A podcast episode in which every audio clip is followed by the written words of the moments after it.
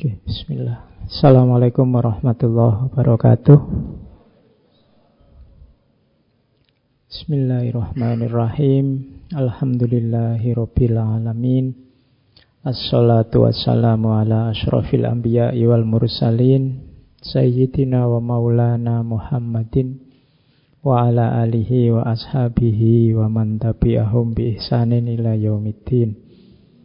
Amma ba'du uh, sebelum ngaji kita mulai kita kirim surat Fatihah dulu untuk saudara kita Mas Kenny Sar Ivanov mahasiswa UMS beliau ini sering sekali datang di ngaji kita ngelaju dari Solo ke Jogja Biasanya kalau sudah selesai minta foto sama saya di pojok sini.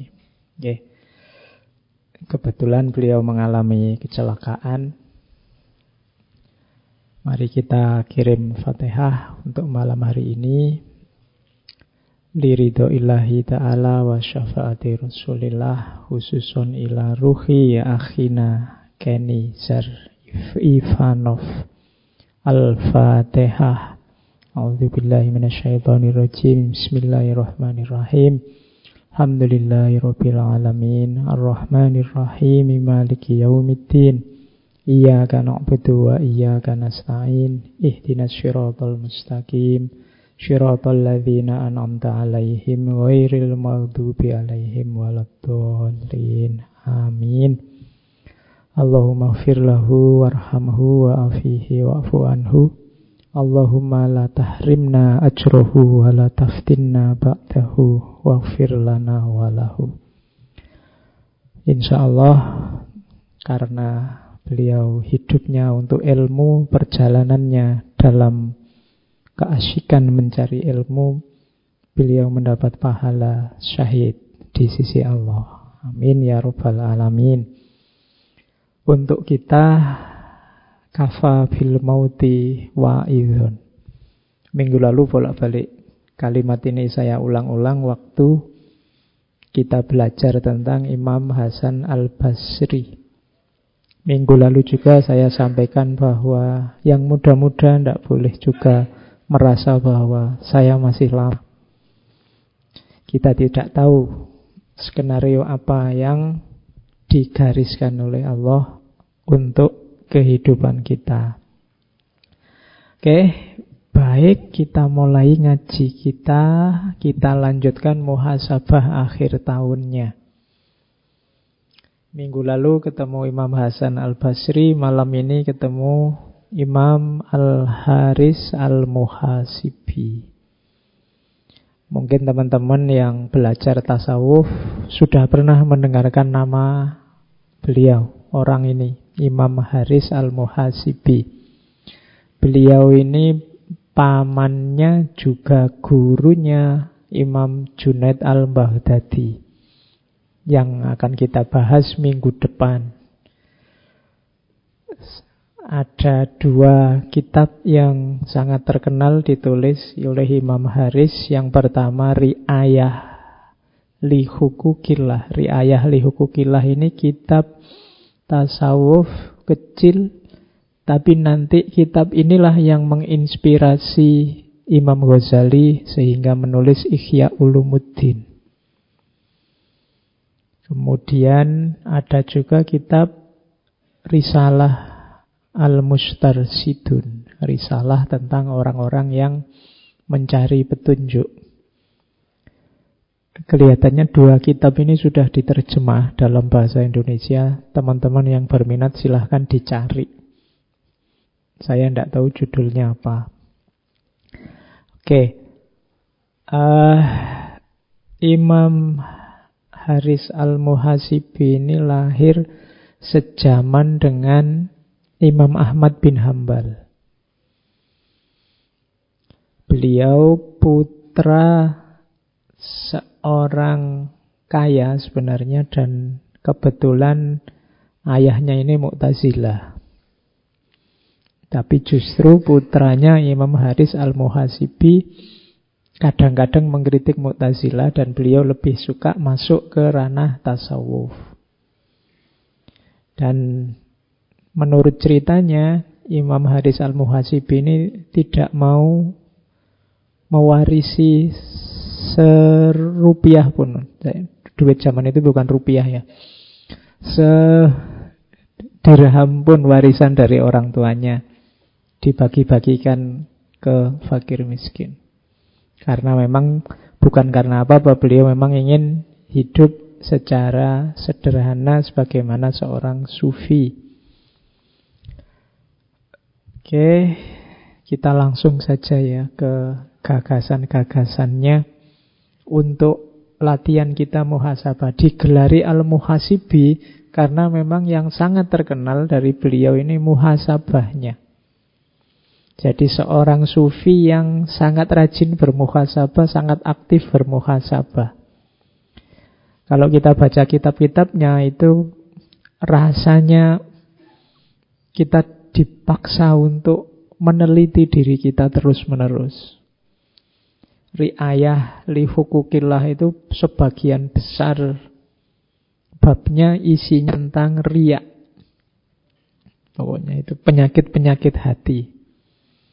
Jadi malam ini kita coba menggali seperti apa nasihat-nasihat beliau tentang muhasabah. Orang yang gelarnya saja sudah muhasabah. Haris al-Muhasibi. Oke. Jadi beliau suatu ketika pernah mengatakan telah berlalu waktu selama tiga tahun. Dan selama itu aku telah mendengar segala sesuatu dalam kepalaku. Kemudian telah berlalu pula masa 30 tahun dan selama itu aku tidak pernah mendengar sesuatu kecuali dari Allah. Ini mengisyaratkan bahwa ada masa sekitar 30-an tahun beliau menuntut ilmu biasa, kemudian 30 tahun selanjutnya menempuh suluk dalam jalan tasawuf.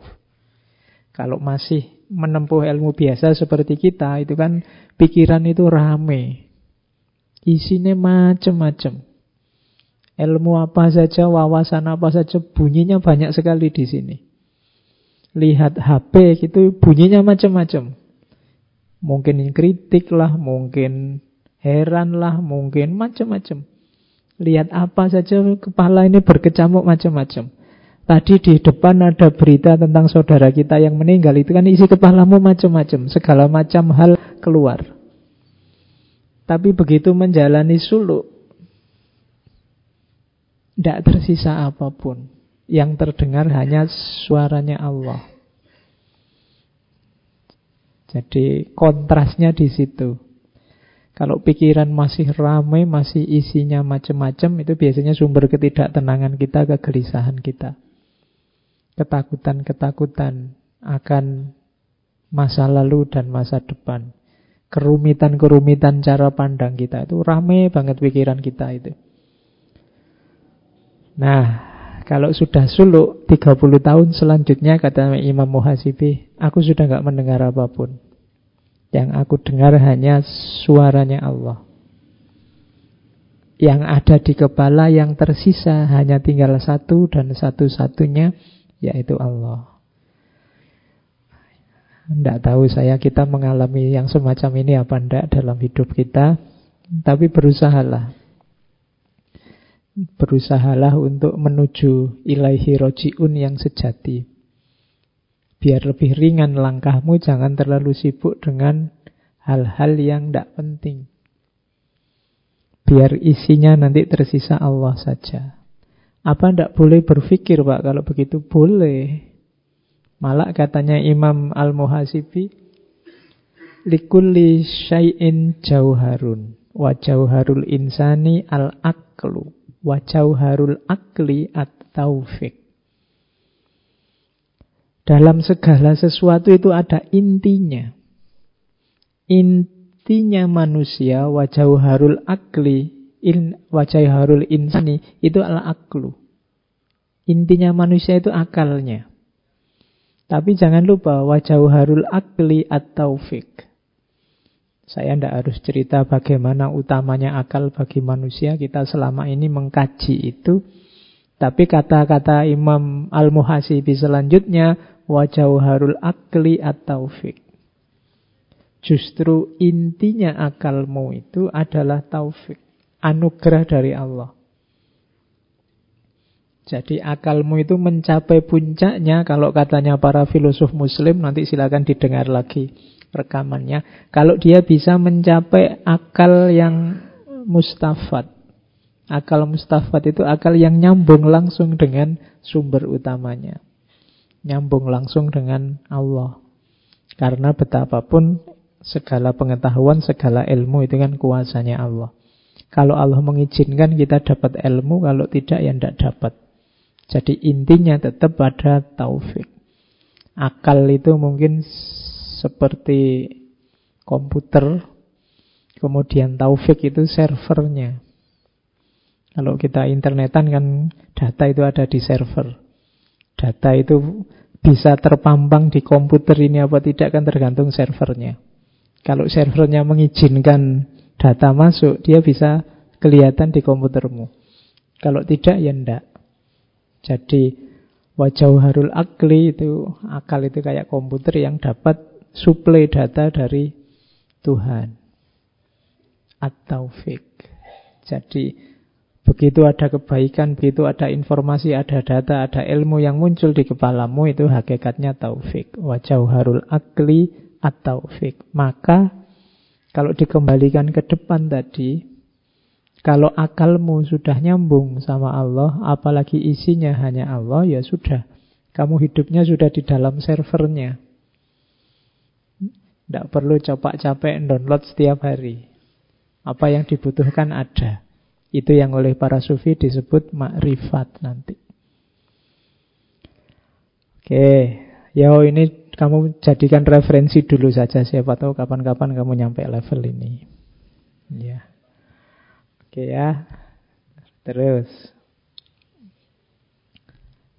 Hatiku dipenuhi segudang ambisi yang segera sirna setelah mata hatiku melihatmu. Katanya Imam Muhasibi.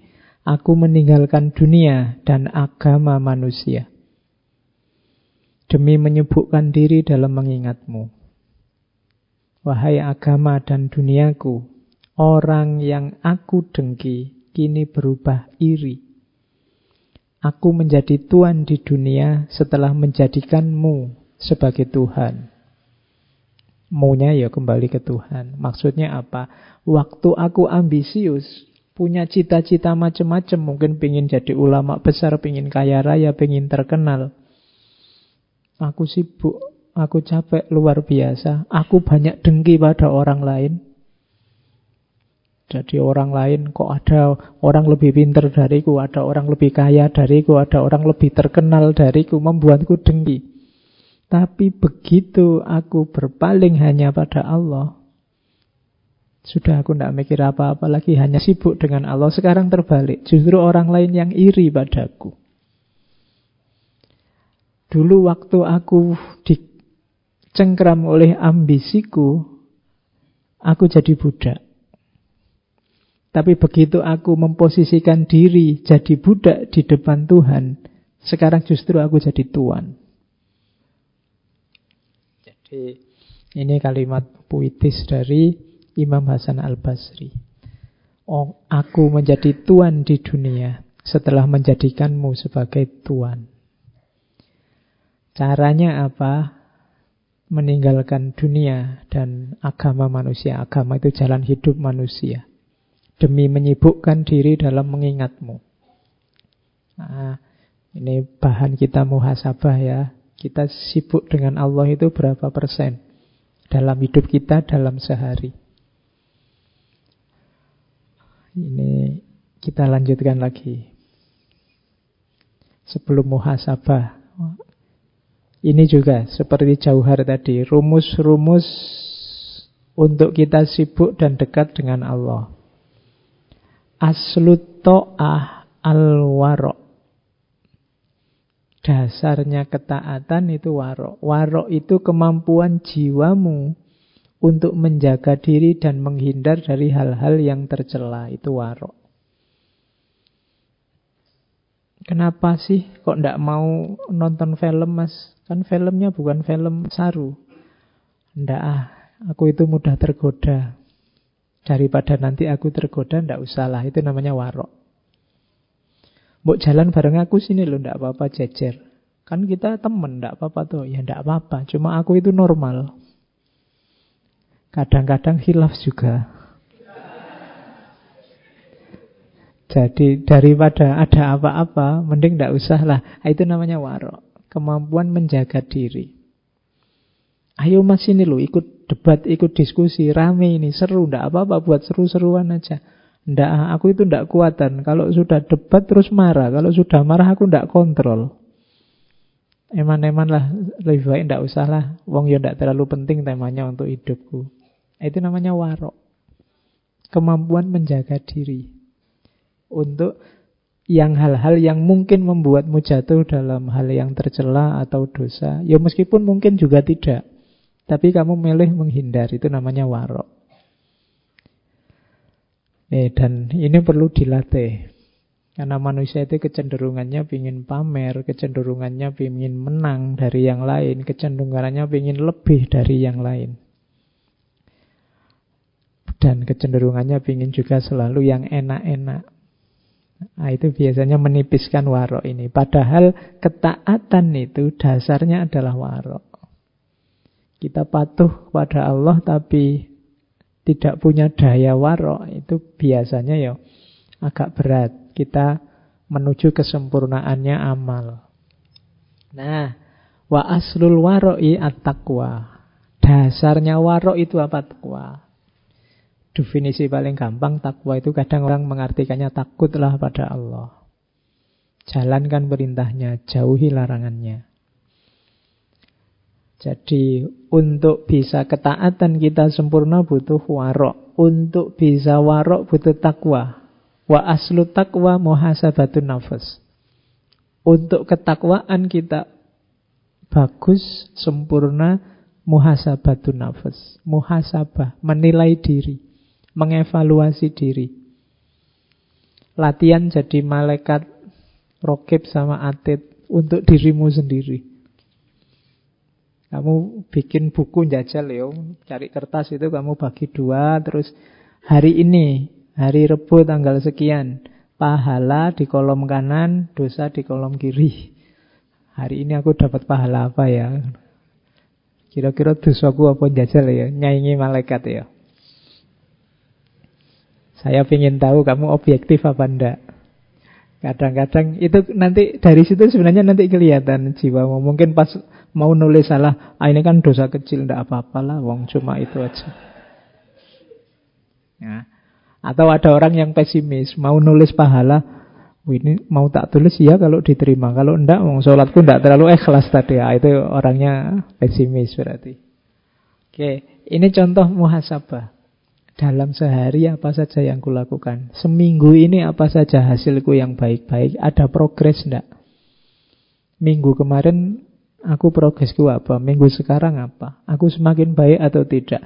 Kalau hidup ini ilaihi roji'un, sejauh mana aku semakin dekat dengan Allah atau jangan-jangan aku ini jalannya mundur sehingga tambah jauh sama Allah. Itu muhasabah namanya. Itu nanti yang jadi bekal kualitas takwamu semakin bagus. Jadi wa aslu takwa muhasabatun nafas. Wa aslu muhasabatin nafsi al khawfu war roja. Dan dasarnya muhasabah tadi, untuk kita bisa muhasabah yang bagus, harus ada khawf, ada roja. Ada takut dan juga ada harapan. Sama seperti di Imam Hasan al-Basri kemarin berhadapan dengan Allah itu ya ada takutnya karena kita khawatir dosa kita banyak, tapi ada juga harapannya. Takut saja tanpa rojak membuat kita mudah putus asa. Rojak saja tanpa khauf nanti kita sembrono. Tidak hati-hati. Tidak warok tadi. Jadi muhasabah yang bagus dasarnya khauf dan rojak. Kalau hanya khauf saja, jadinya kayak tadi kamu mau nulis pahalamu, kamu takut. Ya kalau diterima. Wong aku ini lemah, aku ini tidak berdaya, khauf saja. Kalau hanya rojak saja, kayak tadi, kamu dosa aja, anda ah, usah ditulis dosa kecil aja. Aku sudah istighfar, nanti nggak usah. Nah, itu rojak saja. Harus imbang. Ada khaufnya, ada rojaknya. Kadang-kadang kamu harus agak introspeksi ke dalam dirimu. Kalau kamu merasa aku ini mudah sekali Pak, kalau ada hal-hal jelek, hal-hal dosa itu aku mudah terpancing. Diperkuat khaufnya. Biar tidak mudah masuk ke dalam dosa. Tapi kalau mungkin jiwamu, jiwa agak serius, takut dosa, agak terlalu sepaneng, tidak pernah senyum, maka ah, itu mencoba rojaknya ditambah. Jangan terlalu kaku, jangan terlalu keras untuk hidupmu. Jadi harus imbang antara khauf dan roja. Wa aslul khaufi war roja'i ma'rifatul wa'di wal wa'id. Dasarnya khauf dan roja yang bagus itu apa? Harus belajar. Yang dipelajari apa? Al-wa'du wal wa'id janjinya Allah dan juga ancamannya Allah. Mana yang baik, yang nanti rewardnya bagus, mana amal jelek yang harus hati-hati karena balasannya juga siksa Allah sangat keras. Jadi waktu wal wa'id butuh pengetahuan. Wa ma'rifatul wa'di wal wa'id pengetahuan tentang janji dan ancamannya Allah itu adalah azmul jasa. Azmul jasa itu balasan yang besar. Jadi balasan yang besar maksudnya apa? Segalanya ada balasannya di sisi Allah. Fama ya'mal miskola dharrotin khairo yaroh wa mal ya'mal miskola dharrotin syarro yaroh. Dan terakhir, kuncinya paling akhir ternyata di sini. Wa aslu dhalika al-fikratu wal ibroh. Dasarnya semua tadi yang di atas adalah al-fikru. Harus kita mau berpikir, akalnya dijalankan, wal ibrotu dan mau mengambil pelajaran. Jadi justru kuncinya di ilmu, di belajar. Makanya orang Islam itu wajib belajar. Tidak cuma lima tahun, enam tahun, sembilan tahun. Tapi seumur hidup. Dulu zaman saya kecil wajib belajar itu 6 tahun. Saya tidak tahu sekarang wajib belajar itu berapa? 9. 12 tahun. Harusnya sekarang diganti wajib belajar seumur hidup. Karena kadang-kadang tambah tua itu tambah tidak karu-karuan kelakuannya. Jadi yos ya harus mau belajar terus. Resikonya kalau sudah tidak belajar itu mandek. Orang mandek itu biasanya ketika dia merasa sudah benar. Jadi kekacauan-kekacauan itu sering terjadi ketika orang sudah merasa benar. Tidak mau lagi belajar. Orang kalau sudah merasa benar nggak mau belajar. Mau belajar apa lagi? Uang sudah benar. Nah, maka ayo wajib belajar seumur hidup saja. Tidak usah, tidak cuma 9 tahun. Mungkin kalau yang 9 tahun, 12 tahun itu wajib sekolah, boleh lah. Tapi kalau wajib belajar, enggak. Di Jogja ini ada jam belajar. Tapi saya enggak tahu jam belajar itu kalian manfaatkan buat apa. Jam belajar itu yang rame masuk sekolahan, masuk tempat pengajian. Yang rame kan itu jam makan sebenarnya. Jadi ramenya malah warung-warung itu rame kalau jam belajar itu. Oke, jadi ternyata To'at itu dasarnya warok, warok dasarnya takwa, takwa dasarnya muhasabah, muhasabah dasarnya khauf dan rojak, khauf dan rojak dasarnya janji dan ancaman, janji dan ancaman dasarnya pembalasan dari Allah dan dasar semuanya adalah berpikir serta mengambil pelajaran. Nah ini diambil dari Kaulnya Imam Haris al-Muhasibi. Terus, nah sekarang kita belajar muhasabah. Kalau menurut petunjuknya Imam Haris Al-Muhasibi di riayah lihukukillah, muhasabah itu diawali dari lidah. Maksudnya berarti apa yang kita ucapkan. Kalau hari ini mungkin dikasih strip jempol. Apa yang kamu tulis di medsos, apa yang kamu posting. Karena sekarang kan orang itu eksisnya kan nggak nggak cuma lewat kata-kata, tapi juga lewat jempol, lewat statusmu, lewat postinganmu. Sekarang kan jargonnya tidak lagi aku berpikir maka aku ada, tapi aku bikin status, aku posting maka aku ada. Iya. Kalau kamu punya grup WA dan kamu diem aja ndak posting-posting kan kamu terus nggak dianggap ada. Kalau kamu posting yang nge-like banyak, yang komentar banyak, kamu baru merasa, wah aku eksis nih. Nah, itu berarti aku posting maka aku ada. Ah, yuk di muhasabah deh. Kamu posting apa hari ini? Kamu ngomong apa saja hari ini? Itu lidah. Lidahmu mengeluarkan apa saja hari ini? Yang penting berapa persen, yang iseng berapa persen. Kalimat-kalimat yang baik berapa persen, kalimat netral berapa persen, kalimat negatif berapa persen. Itu kalau kamu bisa ngitung ini luar biasa muhasabahmu. Imam Haris al-Muhasib itu dikenal ahli muhasabah. Berarti beliau mengukur, oh, wah ini sudah terlalu banyak ngomong jelek ini misalnya. Terus setelah lidah mata. Mata, kalau mau ngomong matamu tidak enak mata kita dalam sehari-hari itu Lola ya. Kamu pakai buat apa saja? Apa saja yang kamu lihat?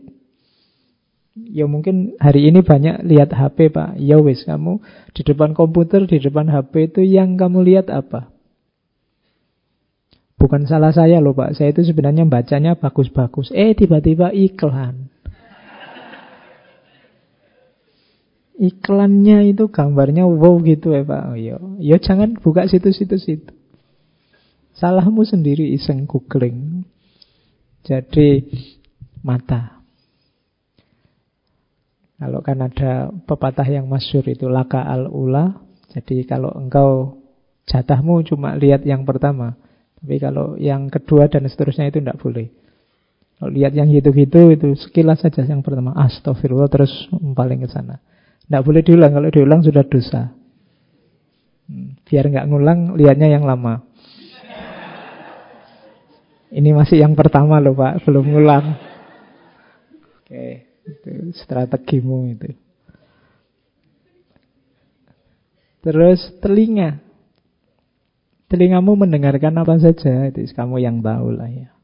Kemudian tanganmu, apa yang kamu lakukan dengan tanganmu. Terus kakimu, perutmu. Perut itu berarti apa yang kamu masukkan. Berani menjaminkah yang kamu masukkan halal? Berani menjaminkah yang kamu masukkan baik dalam perutmu? Terus kemaluan.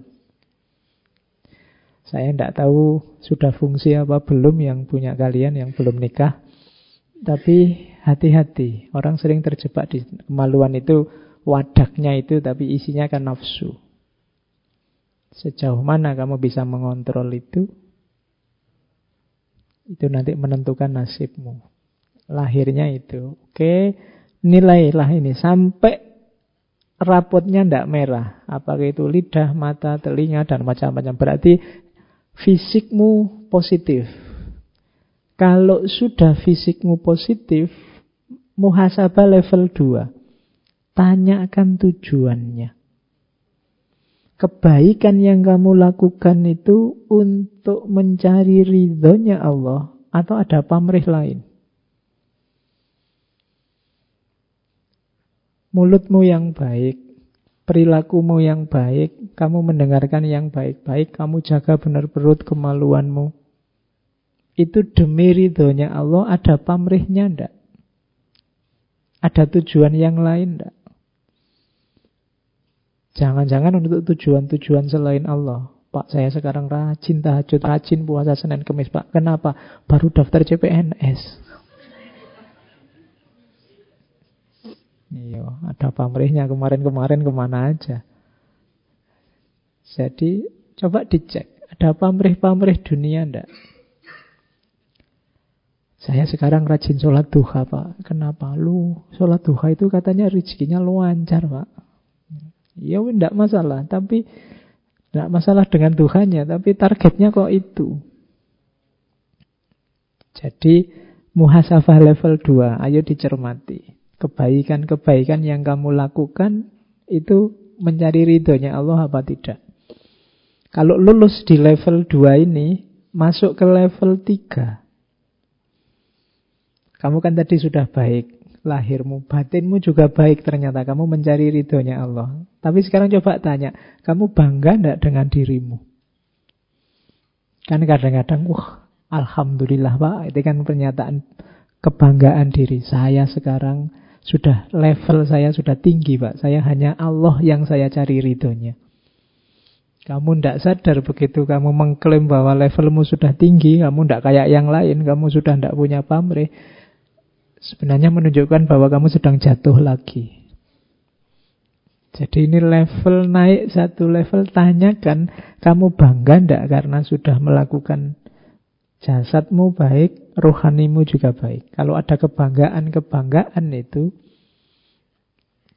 kamu masih batinnya masih perlu diperbaiki.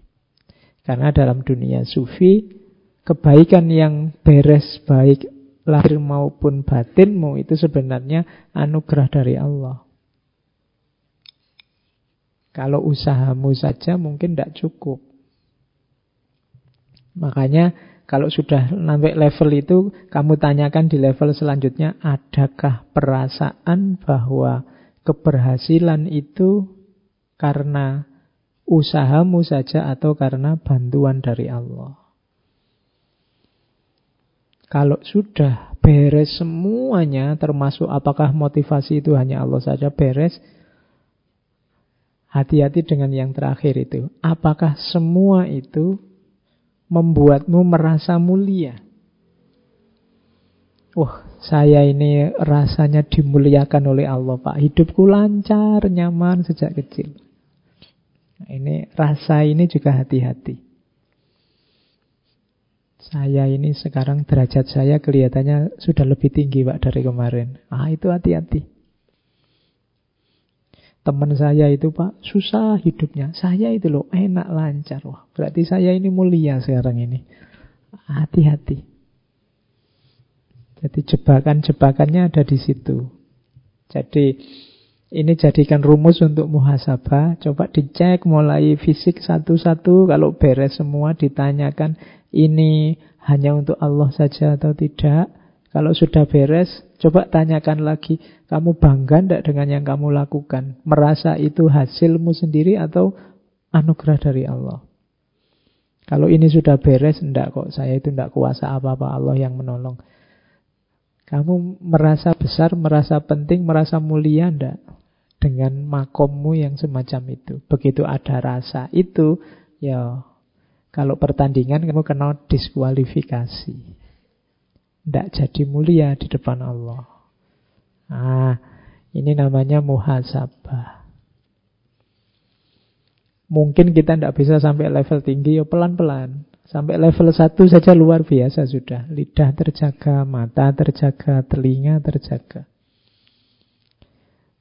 Terus naik ke level kedua yang hanya ridhonya Allah. Kalau sudah begitu, semua kebanggaan kita sirnakan diyakini bahwa segala yang terjadi adalah anugerah dari Allah. Dan meskipun begitu, tidak perlu ada rasa bahwa aku ini mulia, aku ini istimewa, aku ini penting, dan seterusnya. Nah, itu caranya muhasabah. Oke, terus muhasabah juga harus hati-hati. Kadang-kadang kita sering tertipu dengan amal baik.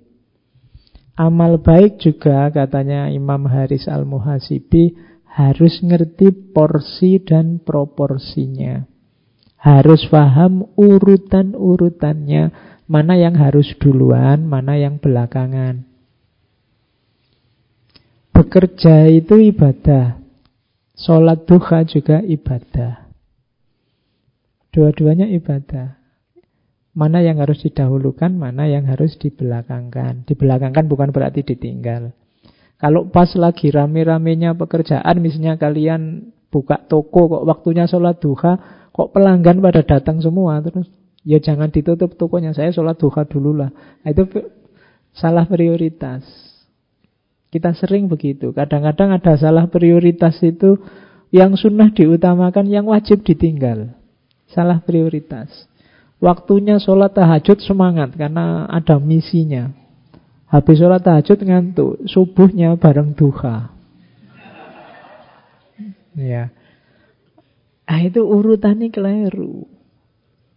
Kalau sholat, kalau puasa Ramadan rasanya kayak formalitas, tidak ada rasanya. Tapi setelah Ramadan puasa sunnahnya dikuati serius. Kebalik, harusnya di Ramadan ini kita serius. Di sana fadilahnya macam-macam. Nah, ini namanya urutan amal. Hati-hati. Orang sering tertipu di sini di antara godaannya setan katanya Imam Haris Al-Muhasibi itu kita dibolak-balik urutan amalnya. Jadi kebaikannya. Saya seminggu yang lalu ada cerita. Saya tidak tahu pastinya gimana. Jadi ada teman-teman mahasiswa yang sedang sholat Kebetulan yang depan jadi imam, terus ambruk tempat sholatnya. Jadi imamnya ini kejeblos ke bawah, kebetulan yang bawah ini sumur. Ya, ya ada cerita itu kan. Saya tidak tahu pastinya, tapi ada cerita. Setelah imamnya jatuh ke bawah ini, ada makmum satu ke depan melanjutkan sholat isyaknya.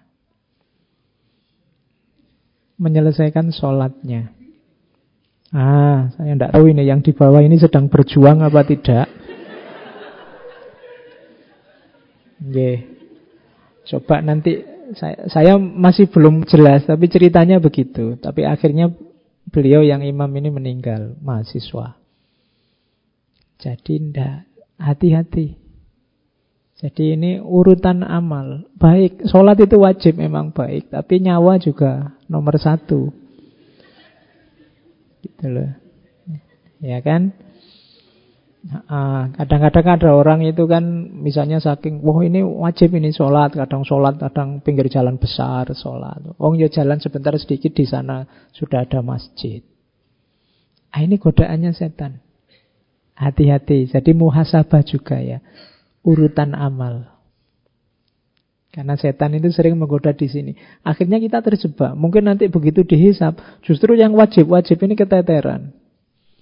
Kita lebih asik dengan yang sunnah-sunnah. Bukan berarti salah, tapi keliru urutannya, salah prioritasnya. Jadi antara makanan utama dan cemilan, kita lebih mengutamakan cemilannya. Makanan utamanya tidak tergarap. Nah, hati-hati. Kita harus ngerti. Untuk yang semacam ini tetap kita butuh ilmu. Jadi tidak sekedar. Jadi kebenaran, kebaikan itu tidak sekedar kita tahu jenisnya apa terus kita laksanakan.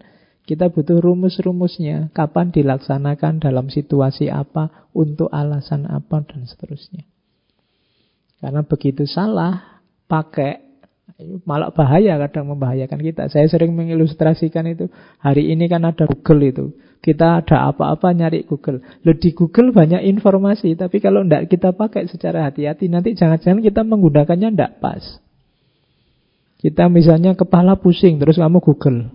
Sebab-sebab kepala pusing. Nomor satu, kolesterol tinggi. Nomor dua, jantung tersumbat. Nomor tiga, terus kamu kan terus stres itu kan. Waduh, jangan-jangan ini sebentar lagi aku stroke nih.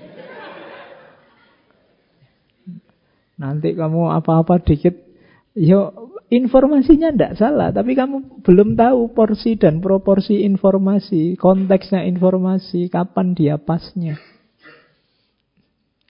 Ya, contoh ini bisa dikiaskan kadang-kadang tentang agama kan juga begitu. Hukumnya ini apa? Jujuk saja kamu nyari hukum gini. Terus kamu tidak ngerti porsi dan konteks dari fatwa yang diberikan itu untuk apa, kapan, dalam situasi apa. Ah, itu gunanya kita nambah ilmu terus. Tanya ahlinya bila perlu nyari yang bisa nuntun. Makanya dalam tasawuf itu Disarankan ada mursyid, ada penunjuk, penuntun. Kalau jalan sendiri khawatirnya tadi keliru. Wong kamu cuma sakit pilek aja merasa kena serangan jantung lah, kena apalah gitu. Nanti dadanya sesak sedikit merasa, waduh, ini jangan-jangan paru-paru nih. Ini jangan-jangan asma nih, macam-macam. Tidak. Oke, cari ilmunya. Terus, nah dalam teorinya Imam Haris Al-Muhasibi ada tiga akhlak utama. Kalau kita ingin dekat dengan Allah, tiga ini harus jadi kuncinya. Ini di riayah li ada. Jadi yang pertama, berhadapan dengan Allah itu senjata kita tiga itu. Yang pertama apa? Taubat. Yang kedua khauf dan roja. Yang ketiga murokobah. Pokoknya begitu merasa kita sedang di hadapan Allah, begitu merasakan kehadiran Allah, tiga hal itu kita hidupkan. Kita bertaubat, mohon ampun atas semua kesalahan, semua dosa kita. Kita hidupkan lagi khauf dan rojak. Kita takut akan segala kekeliruan, kesalahan kita sambil kita berharap rahmatnya, berharap anugerahnya. Kemudian yang ketiga apa? Murokobah. Jadi murokobah itu merasakan kedekatan. Merasakan kehadirannya selalu. Cirinya apa murokobah kita itu sukses tiga katanya Imam Haris Al-Muhasibi. Yang pertama malu pada Allah, yang kedua selalu mengagungkannya, dan yang ketiga mengutamakannya. Kalau dalam diri kita selalu merasakan Allah hadir dan dekat, yang pertama pasti malu. Malu itu kalau mau melakukan yang jelek-jelek, yang aneh-aneh itu malu. Jadi Allah hadir, Mungkin kamu sedang berkaca sendirian di rumah, harus mandi, nyanyi-nyanyi di depan kaca, terus wah malu aku kalau dilihat Allah. Ah, itu contoh paling gampang. Malu itu begitu. Kalau ketahuan orang tuamu begitu kamu nyanyi-nyanyi kan langsung berhenti. Kenapa? Malu. Nah, mau melakukan apa pun kalau diiringi kesadaran bahwa Allah itu hadir karena murokobah kita sukses, itu biasanya kita akan terjaga dari hal-hal yang jelek. Begitu mau meso sudah bilang as. Oh, enggak enak ya. Astagfirullahaladzim. Kenapa kamu sadar bahwa Allah hadir? Wah, ada Allah nih. Jadi tidak enak kita. Ah, malu itu berarti apa? Sukses. Murokobahnya. Yang kedua mengagungkannya itu pasti. Kesadaran Allah hadir itu akan Allah yang maha kuasa, Allah yang menguasai segalanya. Dan yang ketiga mengutamakannya. Mengutamakannya itu kamu mau melakukan sesuatu. Ketika kamu tahu Allah tidak suka ini, Allah tidak ridho ini. Sudahlah, kuutamakan Allah saja. Mungkin kamu ujian akhir, sekarang kan masanya ujian akhir. Temanmu bawa contekan kok ya pas.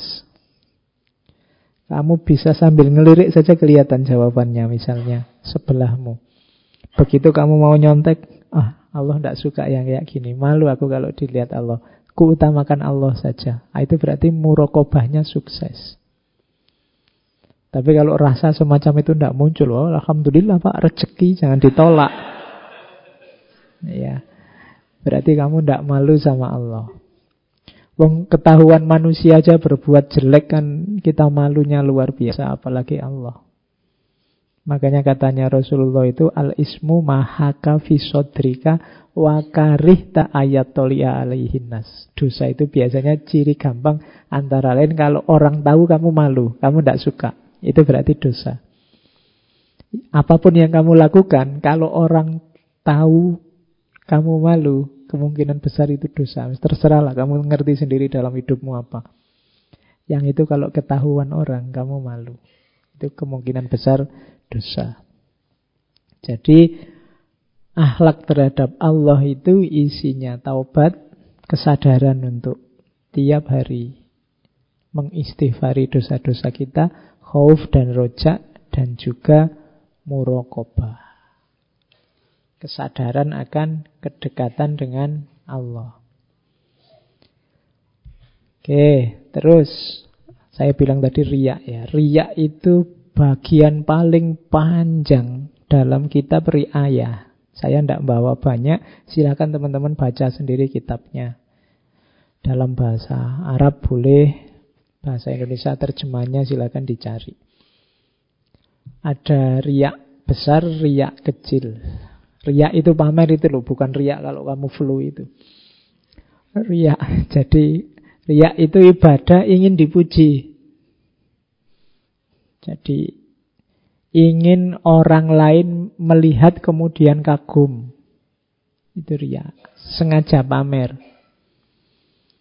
Ya mirip-mirip kalau kamu sedang narsis pingin selfie terus kamu share Padahal itu sudah diolah dengan program apa di HPmu Terus wah kamu tambah putih ya terus kamu seneng Pingin pamer Itu sejenis itu Cuma ini ibadah Ya. Jadi ingin memamerkan keutamaanmu. Sebenarnya orang cuma tanya yang bisa dijawab dengan satu kata saja. Tapi karena kamu ingin pamer keluasan ilmumu, kamu jawabnya setengah jam. Ini ya Pak, menurut ulama ini, itu sebenarnya begini. Tapi beda sama ulama ini. itu Orangnya sampai pusing lah, terus gimana mas? Ya pokoknya ada nuansa pamernya. Jadi hati-hati. Ada riak besar, riak kecil. Kalau yang riak besar itu ya memang cuma pamer itu tujuannya. Tidak ada yang lain. Jadi kalau riak kecil tujuannya yo ya pamer, yo ya pahala sebenarnya. Saya ingin cari pahala kok Pak. Tapi kalau dipuji ya suka juga sebenarnya. Itu riak kecil. Jadi kalau tidak dipuji terus jadinya males. Mas diminta baca Al-Quran itu. Yang mendengarkan berapa orang? Wah itu alamat itu sudah. Pak diminta jadi pembicara Pak. Pesertanya berapa? Orang seperti apa? Itu berarti ada ada tendensi ingin pamer. Jadi hati-hati dengan riak besar termasuk riak kecil. Riak kecil itu Imam Haris disebut juga sirik kecil. Berarti riak besar itu ya sirik. Tujuannya bukan Allah lagi. Tapi manusia, pujian, hanya ingin dipuji. Hati-hati karena kita punya tendensi ini. Setiap manusia itu punya daya narsisnya masing-masing. Tidak ada orang yang dipuji tidak senang itu meskipun gayanya Allah apa sih aku ini kan gitu. Tapi apa sih aku ini tuh nadanya memang nada ingin dipuji. Aku ini bukan apa-apa kok kuliah itu ya nilaiku A semua. Kemudian kan sering begitu. Nah, itu podo wae itu janjane ya pamer. Ya kan? Saya itu prihatin, Pak, IP saya turun, Pak. Berapa sekarang? 3,9. ya wes. Oh, itu turun dong. Ya, karena kemarin 4, sekian misalnya. Oke. Jadi hati-hati dengan riak. Minggu lalu saya ceritakan kadang-kadang riak ini munculnya sangat halus. Kadang-kadang orang itu kelihatannya seperti merendah-rendahkan dirinya, tapi dengan merendahkan dirinya itu dia sebenarnya ingin diunggulkan. Kadang-kadang kamu ingin, wah sudah sadar anak ini, ini kamu ingin dianggap sadar. Wah anak ini sudah tobat rasanya. Kamu ingin dianggap sudah tobat. Sudah hijrah nih sekarang. Nah, antara lain begitu. Hati-hati. Karena urusan hati itu lebih susah ngontrolnya. Kalau sekedar fisik sih gampang. Hijrah, oh kemarin enggak pakai jubah, sekarang pakai jubah. Oh, hijrah kamu. Nah, itu gampang kalau fisik. Tapi kalau batin susah. Kamu sendiri yang tahu. Itu ada tendensi ria atau tidak. Maka hati-hati. Terus, nah, apa ndak boleh kita beribadah karena ingin dicintai orang, tidak boleh. Itu namanya riak. Tapi kalau kita ikhlas, dengan saya ikhlas itu ada orang yang suka, Pak. Ada orang yang terus muji. Ada orang yang terus suka. Kalau itu tidak apa-apa. Aku tidak niat riak kok. Tapi kok orang terus suka sendiri, muji sendiri. Loh, kalau itu tidak masalah. Tapi pujian orang jangan jadi tujuan. Makanya tadi agak rumit ini, kita harus hati-hati. Pujian orang jadi tujuan itu kadang-kadang tidak di awal, tapi di akhir. Begitu tidak ada yang muji, terus semangat kita turun. Oh berarti tujuannya orang. Ngaji kok begitu pesertanya sedikit, terus males. Tidak jadi ngaji lah. Nah, itu berarti tendensinya bukan Allah lagi. Jadi harus hati-hati. Jadi bukan berarti kalau dipuji orang itu pasti ria. Tidak. Tapi hanya kalian yang tahu. Itu tadi tujuannya Allah. Tapi terus mungkin karena memang kedekatan dengan Allah itu indah sehingga ada orang muji. Kalau ini tidak apa-apa. Tapi tujuanmu kalau hanya pujian itu, kalau itu riak. Kemudian yang kedua, ada lagi yang unik. Orang yang meninggalkan ibadah karena takut dianggap riak. Ini riaknya double katanya Imam Haris al-Muhasibi. Kenapa? Jadi yang pertama dia dosa kenapa? Meninggalkan ibadah karena prasangka. Kamu kok GR, aku ndak pengen muji kamu kok. Kamu merasa, Pak, saya ndak mau sholat tahajud, ah malu, ada temen. Nanti dipuji aku. Sopo sih mau muji? Jadi dosanya malah double. Kadang-kadang kan kita gitu. Aku biasa nih sih puasa Senin Kemis, tapi ini lagi kayak gini banyak temen. Aku malu ah mau puasa nanti dianggap anak soleh lagi. Ah itu jadi ini dosanya double kalau kayak gitu. Kamu boleh tidak puasa, tapi motifnya jangan karena manusianya. Karena pujiannya. Karena takut dianggap riaknya. Jadi kekeliruannya dua. Jadi yang pertama meninggalkan ibadah yang jelas bermanfaat hanya karena prasangka. Itu kan tadi prasangka. Kamu takut dianggap riak. Kamu takut dipuji. Kamu takut dianggap anak soleh. Itu kan manusia. Yang kedua apa? Kamu berburuk sangka. Pada siapa? Pada orang lain. Wah, nanti aku dianggap riak lagi. Lu emangnya temanmu seanu itu. Jadi nganggap orang lain jelek. Jadi hati-hati. Boleh kok meninggalkan hal yang memang bisa ditinggalkan, tapi alasannya jangan manusia. Biasanya saya tahajud, Pak. Tapi sekarang saya tidak tahajud dulu. Kenapa? Capek saya anunya. Misalnya tidak ada apa-apa. Itu penting alasannya kan bukan karena takut tidak dipuji orang. Atau takut dianggap pamer. Kalau ada takut di situ ya dosamu double. Karena sudah capek-capek merasa kamu baik karena takut dianggap riak tapi malah dosa. Pokoknya motifnya jangan manusia. Ketika motifnya manusia, apakah itu menjalankan atau meninggalkan, kategorinya ria. Itu teorinya Imam Haris al-Muhasibi. Terus dalam dunia tasawuf banyak sekali lintasan-lintasan batin, lintasan pikiran yang kita harus hati-hati. Saya tadi bilang, kepala kita ini kan rame terus. Hati kita juga rame terus. Bisikan itu macam-macam bating sliwer. Mampir selalu kadang kita tidak sadar, kadang kita sadar. Katanya Haris Al-Muhasibi, hati-hati kalau ada bisikan harus kita deteksi itu suaranya nafsu, suaranya setan atau dari Allah. Jangan dicampur-campur. Kalau nafsu itu biasanya sifatnya godaan.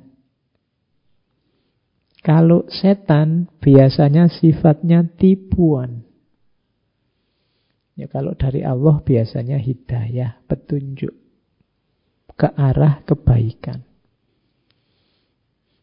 Jadi nafsu itu biasanya isinya godaan untuk pemenuhan hasrat, keinginan.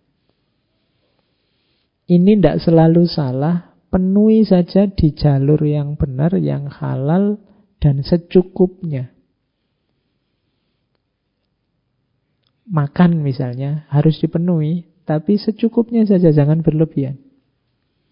Minum juga begitu, termasuk hasrat seksual penuhi di jalur yang benar, yang halal, dan secukupnya saja, jangan boros. Karena hal-hal yang sifatnya nafsu ini, biasanya kekurangan atau kelebihan, itu nanti sifatnya merusak. Makan tidak terpenuhi itu merusak. Kebanyakan makan juga merusak.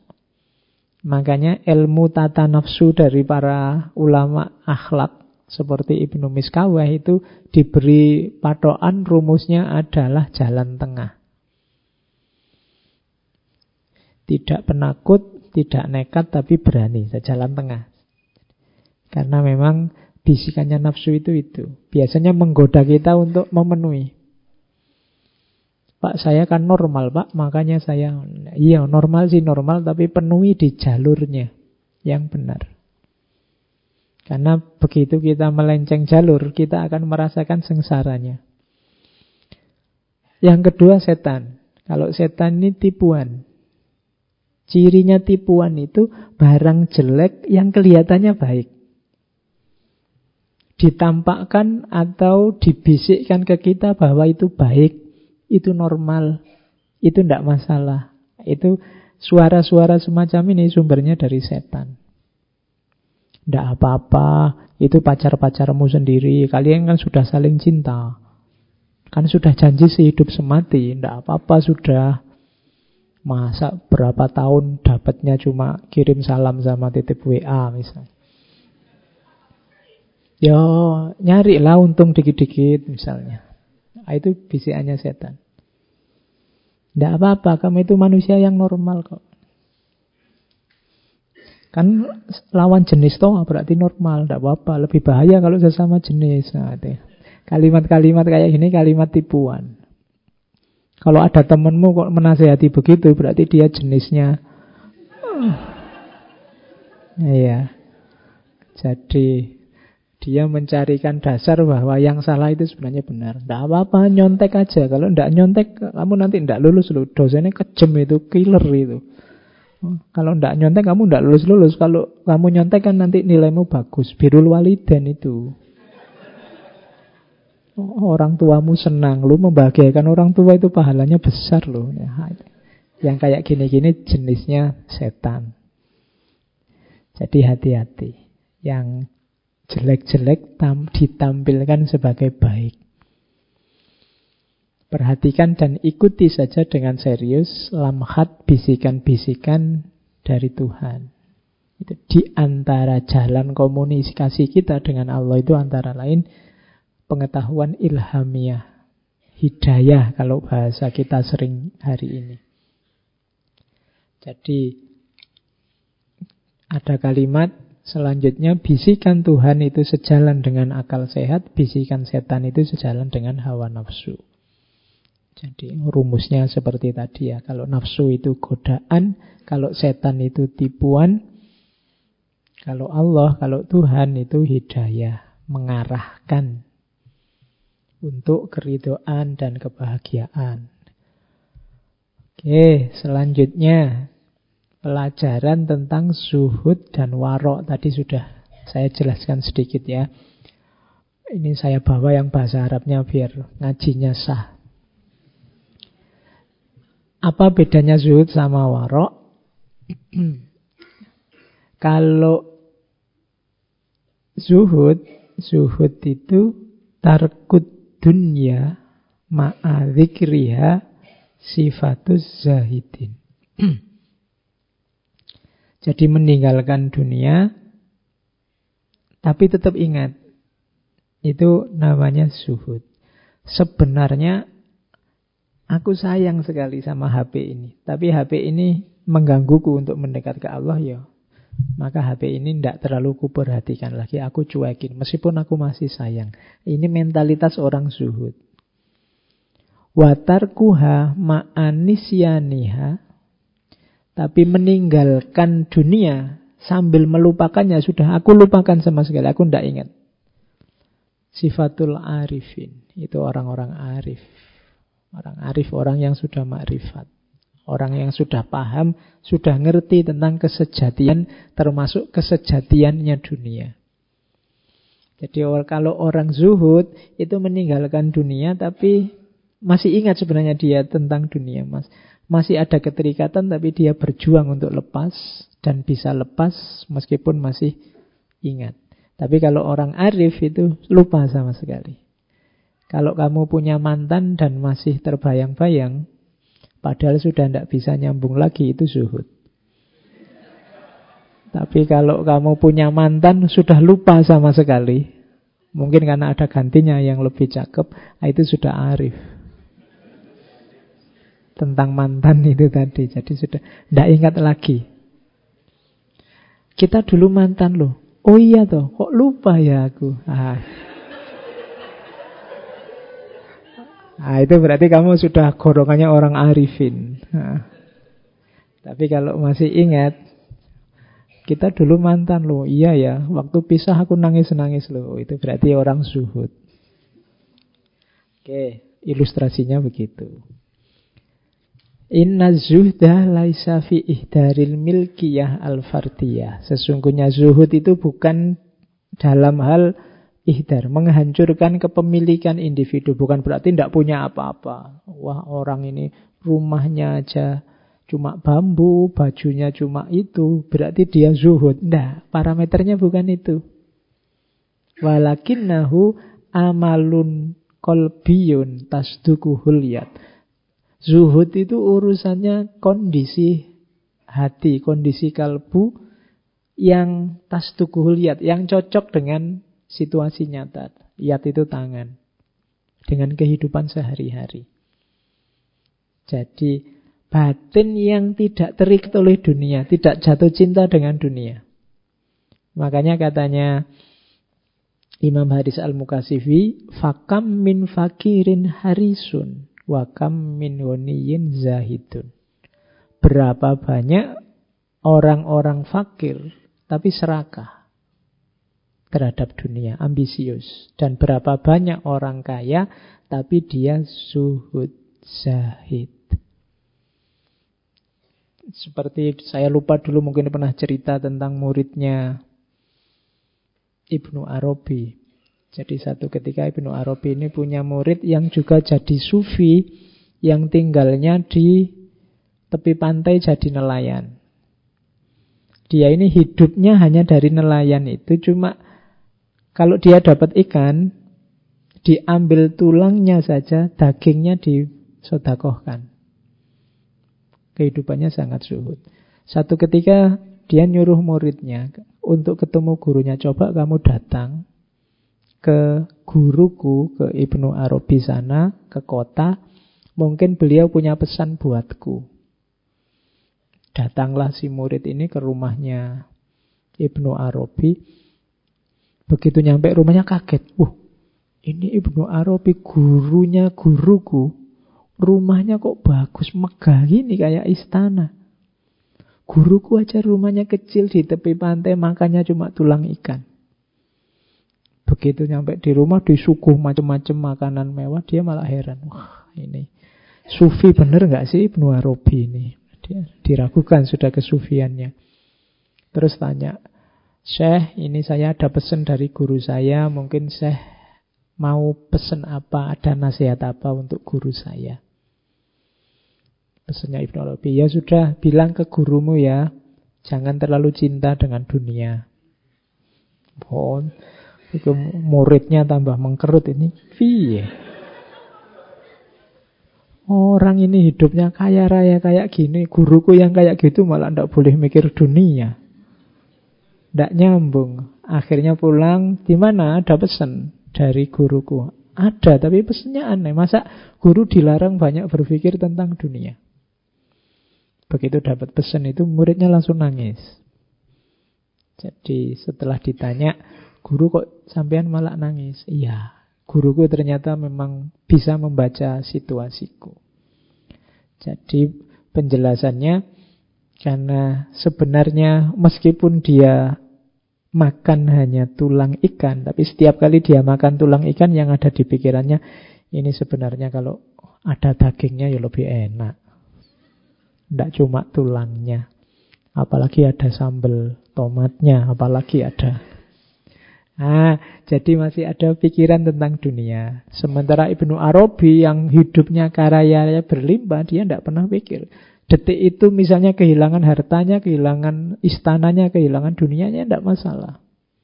Jadi bukan masalah jumlah yang dimiliki, tapi keterikatanmu terhadap dunia. Itulah kuncinya zuhud. Dan ini nanti membentuk perilaku. Ini ada cerita yang saya bawa tentang Imam Haris ini. Tulisannya kecil-kecil ya, saya ceritakan saja. Jadi suatu ketika Beliau ini ketemu dengan ponakannya yang kita bahas minggu depan, Imam Junaid al-Baghdadi. Nah, terus sama Imam Junaid diundang. Mari paman, mari syekh datang, tak undang makan-makan. Kalau ada makanan, kelihatannya sampean sedang lapar. Oh ya, sudah, ayo. Diajaklah oleh Imam Junaid ke tempatnya. Kebetulan di tempatnya Imam Junaid barusan sebelumnya ada pesta pernikahan. Jadi masih ada sisa-sisa makanan dari malam sebelumnya. Karena disuguh oleh ponaannya, dihormati untuk makan, ya beliau makan. Tapi begitu mau ngambil makanan, ini tangannya kaku. Tidak bisa meraih makanan. Dipaksa-paksa akhirnya bisa. Terus dimasukkan mulut. Tapi begitu mau dikunyah, mulutnya juga kaku dipaksa ditelan. Tapi begitu ditelan muntah. Jadi itu di antara karomahnya Imam Haris Al-Muhasibi. Ketika ditanya, Syekh kemarin sampean waktu saya suguh kok seperti itu. Tangannya kejang, kaku, mulutnya tidak bisa mengunyah, kemudian begitu masuk tenggorokan langsung keluar lagi muntah. Ya, kamu makanan yang kamu suguhkan kemarin dari mana? Oh, itu sisa-sisa dari acara pernikahan kemarin. Kamu yakin tidak dengan sumbernya? Saya tidak tahu, saya. Yes, pokoknya ono panganan enak ya tak suguh wae wong ada tamu orang besar. Ah, itulah situasiku. Jadi beliau ini karena saking waroknya dia dapat karomah tidak mungkin barang yang tidak jelas masuk ke perutnya. Bukan karena bukan berarti yang disuguhkan tadi haram loh. Tapi karena tidak jelas sumbernya. Jadi yang tidak jelas saja terhalang untuk masuk. Padahal mungkin ya halal wong ya makanannya sendiri di rumah tadi malam, tapi karena sumbernya masih belum bisa dipastikan, makanan itu tidak bisa masuk. Nah, terus Imam Junaid, oh kalau rumusnya begitu, ayo saya ke rumah saya lagi. Baru disukul dengan roti yang sudah keras. Nah itu malah seneng, bisa masuk. Ah kalau nyugui saya yang kayak gini, yang sumbernya jelas, meskipun hanya roti yang keras. Nah itu buahnya zuhud dan warok yang sudah mendarah daging. Kalau kita mungkin kebalikannya ya, begitu ada roti yang keras itu, wah tanganmu kaku, sudah tidak bisa. Tidak bisa masuk ini. Ini roti apa-apa ini. Begitu masuk langsung muntah. Kalau kita masih kebalikannya. Kalau Imam Haris malah yang enak-enak yang muntah. Oke. Nah, ini pembahasannya tentang cinta ilahiyah. Kalau tentang cinta ilahiyah, cinta pada Allah itu ada tiga lapisan. Lapisan pertama adalah mencintainya karena segala karunia dan nikmatnya. Ini juga jenisnya cinta, tapi cinta level pertama. Kamu dapat nikmat, kamu dapat karunia, kemudian kamu berterima kasih. Jadi cinta yang karena terima kasih. Belum sejati tapi juga sudah termasuk jenisnya cinta. Yang kedua, cinta karena melaksanakan perintah dan menjauhi larangan. Kalau ini cinta karena kewajiban. Wah, saya harus cinta ini sama Allah karena Allah Tuhanku, Allah adalah segalanya. Ini kewajiban. Kalau di waktu kita ngomong tentang mahabbah itu jenis cinta yang sebenarnya kekurangan passion. Jadi belum ada rasanya, tapi juga jenis cinta. Jenis cinta level 2. Ada jenis cinta level 3, yaitu cinta karena memang Allah lah yang berhak dicintai. Jadi bukan karena apa-apa, ya karena Allahnya. Karena engkau. Ini persis seperti syairnya Robiah Adawiyah. Jadi aku mencintaimu tidak karena apa-apa, karena engkau saja. Kalau yang kedua karena kewajiban. Wah, saya muslim yang baik, ya memang kewajibanku untuk melaksanakan perintahnya dan mencintainya. Kalau yang pertama ini kayak terima kasih.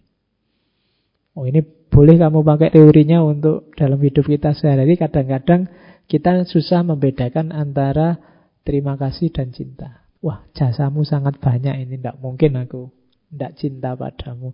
Sudah terlanjur ditraktir, sudah terlanjur antar jemput, sudah terlanjur. Itu mungkin rasa terima kasih sebenarnya bukan cinta. Atau kewajiban. Wah kita sudah terlanjur tunangan ini, sudah terlanjur menikah ini. Mau nggak mau harus cinta kan? Nah, itu kewajiban.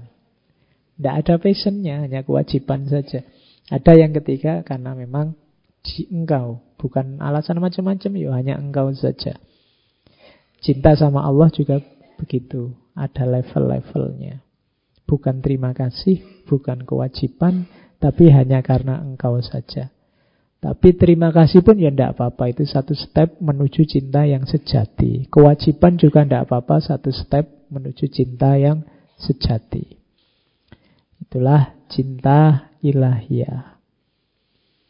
Ini tentang khauf dan roja. Kesedihan. Kesedihan hidup kita juga ada levelnya ternyata. Kalau tadi cinta mungkin ini patah hati.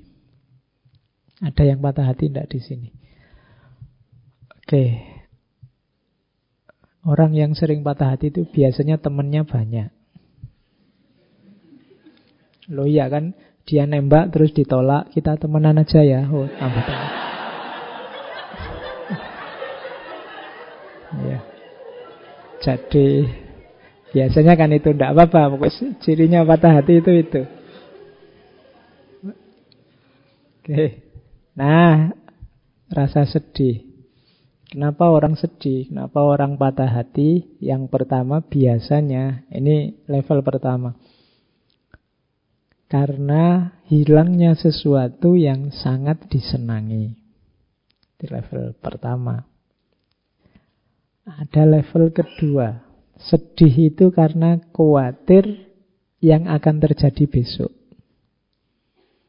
Kalau yang pertama karena kehilangan, yang kedua karena kekhawatiran. Kemudian yang ketiga, rasa sedih karena merindukan yang didambakan bisa tercapai, ternyata tidak tercapai. Ini yang patah hati tadi. Dan yang keempat, rasa sedih karena mengingat betapa kita sudah banyak menyimpang dari jalan ilaihi roji'un.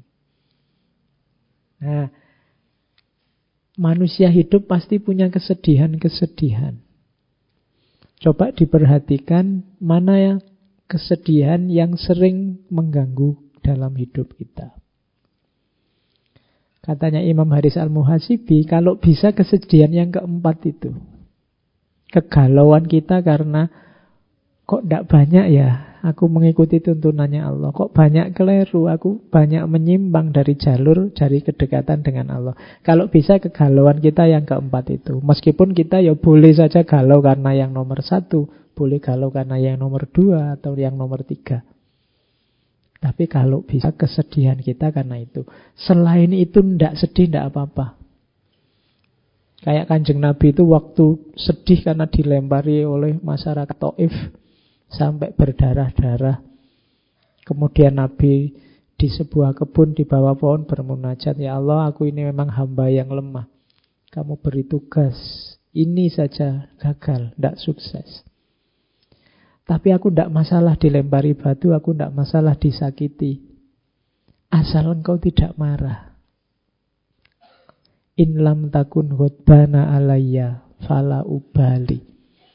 Tidak masalah ya Allah, aku ini sesengsara ini. Dilempari batu, dikejar-kejar. Yang aku khawatirkan hanya satu, semoga engkau tidak murka padaku.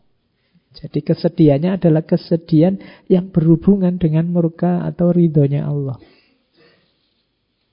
Jadi diputus pacar juga tidak apa-apa, nembak ditolak juga tidak apa-apa. Ya Allah aku berkali-kali ditembak nembak ditolak ndak masalah ya Allah. In lam takun ghadbana alayya fala ubali. Asal engkau ndak murka padaku ya Allah, ndak apa-apa wis. Oh, bisa kalian pakai jadi rumus. Jadi sumpekmu biar ndak berlarut-larut. Cinta ditolak asal engkau ridho padaku. Ndak apa-apa ya Allah. Oh, gitu loh. Biar kamu ndak lama-lama nangisnya. Oke, jadi itu tentang kesedihan. Hati-hati dengan godaan setan yang menjerumuskan kita untuk putus asa. Ini sering terjadi karena kita merasa banyak dosa, karena kita merasa tidak dekat dengan Allah, akhirnya kita putus asa dari rahmatnya Allah.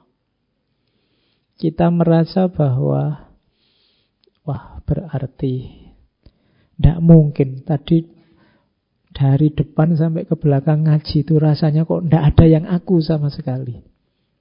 Berarti aku ini sudah rendah sekali, berarti aku ini sudah jelek sekali. Terus kita hampir saja putus asa. Jangan salah, bisikan semacam itu dari setan juga. Hati-hati, tepislah katanya Imam Haris Al-Muhasibi, jawablah begini.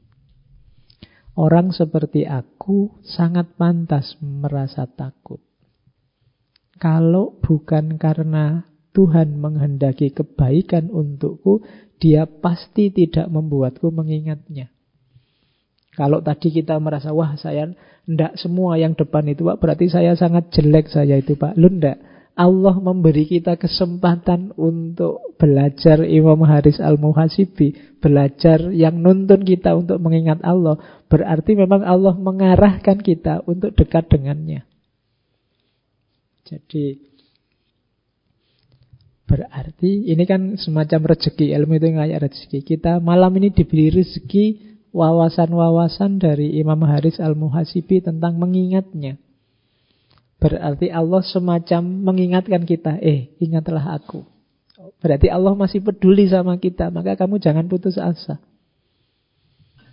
Jadi Allah masih mengingatkan kita, masih menunjukkan kita, masih menampakkan kita hal-hal yang utama, hal-hal yang baik. Berarti Allah masih berharap sama kita. Jangan putus asa. Jangan mau dengan bisikan setan yang membuat kita putus asa. Karena takut akan siksanya, maka aku bertekad akan patuh dan tidak mendurhakainya. Betapa banyak dosa yang lebih besar dari dosaku yang dia ampuni. Dan betapa banyak aib yang lebih hina dari aibku yang dia tutupi. Jadi tidak usah putus asa. Yang lebih parah darimu banyak. Yang aibnya lebih besar darimu banyak. Tapi diampuni oleh Allah, ditutupi oleh Allah. Kalau kalian kan aibnya kecil-kecil, tapi jumlahnya saja yang banyak. Itu pun ditutupi oleh Allah. Berarti Allah masih sayang sama kita. Kalian kan yang lebih tahu rahasiamu yang ditutupi oleh Allah apa. Itu bukti bahwa Allah masih sayang padamu. Jangan putus asa. Buktinya apa? Aibmu masih ditutupi sampai detik ini. Aibku juga masih ditutupi. Kadang hanya kalian yang tahu, tidak ada orang lain yang tahu. Maka jangan putus asa. Berarti Allah masih sayang padamu, masih menginginkan kebaikan darimu. Nah, jadi tepislah bisikan-bisikan setan untuk putus asa. Oke, itu ajaran-ajaran utamanya. Ini sisanya saya ambil dari Risalah Al-Mustarsyidin. Karena banyak saya baca sekilas sekali-sekali saja nanti bisa kalian copy, bisa kalian catat sendiri. Yang pertama, ini di Risalah Al-Mustarsyidin ya saya kutip-kutip. Abu Bakar As-Siddiq radhiyallahu an berkata, saya maunya memotong Arabnya, tapi nanti lama. Kalian juga kesulitan memahaminya. Bertakwalah pada Allah dengan menaatinya. Dan taatilah Allah dengan bertakwa padanya. Cegahlah tanganmu dari menumpahkan darah kaum muslim. Dan perutmu dari memakan harta mereka. Dan lisanmu dari menyinggung perasaan mereka cegahlah. Ini termasuk warok tadi, cegahlah. Kemudian introspeksilah dirimu dalam setiap lintasan pikiran. Hasibu anfusakum fi kulli lamha. Jadi jangankan kata-kata yang keluar, perbuatan yang terwujud, bahkan lintasan pikiran pun ayo kita introspeksi, ayo kita uji. Itu quotes pertama. Risalah Mustarsyidin itu isinya banyak quotes-quotes. Nanti ada ulama yang mentahkik dan menafsir. Ini juga nasihat. Bila engkau mendirikan sholat, dirikanlah sholat perpisahan. Kalau ini tips ya. Kalau ingin sholatmu lebih khusyuk dari biasanya, bayangkan bahwa itu sholat yang terakhir dan setelah itu kamu tidak bisa sholat lagi tapi disolati. Nah itu kamu mungkin sholatnya lebih mantap. Bilang kau mendirikan sholat, dirikanlah sholat perpisahan. Jadikanlah sifat santun sebagai rekan, sifat waspada sebagai kawan, keselamatan sebagai gua persembunyian, waktu luang sebagai harta rapasan perang, dunia sebagai kendaraan dan akhirat sebagai kediaman. Allah Al-Hasan Al-Hasan di sini minggu lalu Imam Hasan Al-Basri. Al-Hasan berkata Allah Ta'ala tidak memberikan waktu istirahat bagi orang mukmin selain di surga. Ini uriannya panjang. Insya Allah kalian paham yang dimaksud. Terus ini sampai belakang tentang ilmu. Sebenarnya ratusan halaman saya ambil banyak tentang ilmu. Karena kita kan ada di jalan keilmuan. Ikatlah anggota tubuhmu dengan tali kendali ilmu. Gembalakan ambisimu dengan mengetahui betapa dekatnya Allah denganmu. Jadi yang bisa mengendalikan tubuh kita, diri kita itu ilmu. Yang bisa ngerim ambisi kita itu kesadaran bahwa Allah dekat. Berdilah di hadapannya layaknya seorang hamba yang memohon perlindungan, niscaya kau dapati dia penuh belas dan kasih sayang. Eh, terus tinggalkan segala perbuatan yang pada akhirnya memaksamu beralasan. Dan jauhi segala kondisi yang membuatmu memaksa diri. Tindakan yang baik itu biasanya kamu tidak butuh alasan. Jawabannya ya di perbuatan itu sendiri. Sholat, puasa, menyantuni anak yatim, kerjasama dalam kebaikan itu perbuatan-perbuatan yang tidak butuh alasan. Tapi perbuatan-perbuatan rusak, kacau itu biasanya butuh alasan. Jadi kalau kamu rasa orang tanya padamu, mengapa kamu melakukan itu? Terus kamu butuh jawaban panjang lebar, butuh alasan detail. Mending kamu tinggal, itu biasanya tidak beres. Tidak butuh dalih. Perbuatan baik itu. Bisa langsung dipahami. Kemudian Segala ilmu yang tidak mengandung tiga hal hanya menambah bukti yang memberatkan si pemilik ilmu. Ketika hal itu adalah, ini diperhatikan, buahnya ilmu harus tiga ini, katanya Imam Haris Al-Muhasibi. membuatmu berhenti menyakiti orang lain. Dengan cara menghentikan kesukaan. Maksudnya, el hasilnya ilmumu itu harus mengembirakan, harus kemanfaatan bagi orang lain, bukan menyakiti. Jadi, keluar hasilnya adalah manfaat. Kalau ke dalam apa? Amal yang diiringi rasa takut pada Allah. Jadi setiap nambah ilmu, semakin dekat kamu sama Allah, semakin takut sama Allah. Itu berarti ilmumu manfaat. Yang ketiga, berbuat adil. Semakin tambah ilmu, semakin kau adil dan kasih sayang sama orang. Kok ilmunya nambah semakin keras, semakin kaku, semakin tidak toleran, semakin tidak kasih sayang. Ada yang keliru dengan konstruksi keilmuan kita. Ketahuilah bahwa tidak ada perhiasan yang lebih indah dipakai daripada akal dan tidak ada pakaian yang lebih indah dikenakan daripada ilmu. Perbarui tobatmu setiap waktu, bagilah umurmu dalam tiga waktu. Satu waktu untuk menuntut ilmu, satu waktu untuk beramal, satu waktu untuk memenuhi hak jiwa dan keperluanmu. Nah, itu nasihat juga. Ciri orang yang berhasil mencapai makrifat adalah dia memahami bahwa ilmu semakin bertambah dengan kehati-hatian dan ilmu semakin banyak dengan keteladanan. Karena semakin ilmunya tambah semakin tambah rasa takutnya. Semakin amalnya tambah semakin tambah kerendahan hatinya. Ini silahkan kalian syarah sendiri untuk konteks hidupmu. Ciri-ciri orang berilmu. Jika dia melihat dia mengambil pelajaran jika dia diam, berarti dia berpikir. Jika dia bicara, berarti dia berzikir. Jika tidak diberi, dia bersabar. Jika diberi, dia bersyukur. Jika tertimpa musibah, dia mengucap innalillah. Jika dikatai bodoh, dia tidak marah. Jika mengetahui, dia rendah hati. Jika mengajar dia berlaku lembut dan jika diminta dia memberi. Inilah ciri ulama.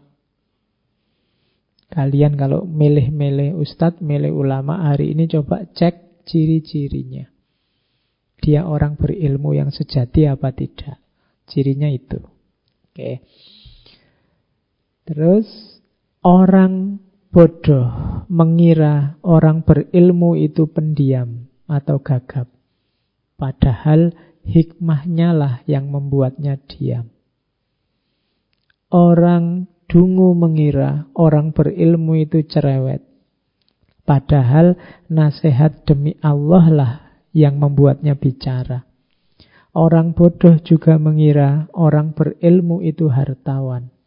Padahal sikap menjaga kehormatanlah yang membuatnya tampak kaya.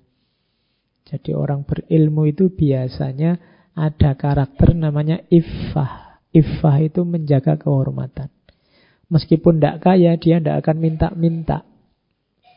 Dia tidak akan serakah, tidak akan apa berhasrat pada dunia, pada pengumpulan harta. Maka sikap orang berilmu itu selalu sikapnya orang kaya. Dia tidak pernah mengeluh dengan kepemilikannya. Orang bodoh pun mengira orang berilmu itu miskin. Padahal kerendahan hatinya lah yang membuatnya tampak hina. Oke, ini anggapannya orang yang tidak ngerti tentang orang yang berilmu. Terus, akuilah bahwa Allah senantiasa berbuat baik kepadamu mesti engkau melanggar perintahnya. Dia tidak marah terhadapmu mesti engkau tidak mengingatnya. Dia menutupi aibmu meski rasa malumu sangat kecil terhadapnya. Dan dia tidak membutuhkanmu sebenarnya meskipun engkau sangat membutuhkannya. Ketahuilah bahwa terik matahari tiada guna bagi orang buta. Begitu juga yang menerima cahaya ilmu hanyalah orang yang bertakwa. Obat tidak berguna bagi orang mati. Begitu juga etika tidak bermanfaat bagi tukang berdalih. Orang yang suka cari alasan. Hujan deras tidak berguna bagi bebatuan keras, begitu pula hikmah tidak akan berbuah di hati para pecinta dunia. Terakhir, ini cerita tentang sebelum Imam Haris Al-Muhasibi meninggal, beberapa menit sebelumnya beliau berbisik pada Ja'far bin Abi Saur. Salah seorang sahabatnya yang saat itu duduk di sebelah beliau. Terus katanya Imam Haris, jika aku melihat sesuatu yang aku sukai, maka aku akan tersenyum kepadamu. Dan jika aku melihat sesuatu yang tidak aku sukai, kamu pasti akan melihat perubahan di mukaku. Kemudian akhirnya Ja'far berkata, Al-Muhasibi tersenyum sebelum meninggal dunia. Berarti beliau melihat sesuatu yang disukai. Nah, itulah kisah akhir hidupnya Imam Haris Al-Muhasibi, seorang sufi besar. Oke, saya kira itu ya malam hari ini tema muhasabah kita.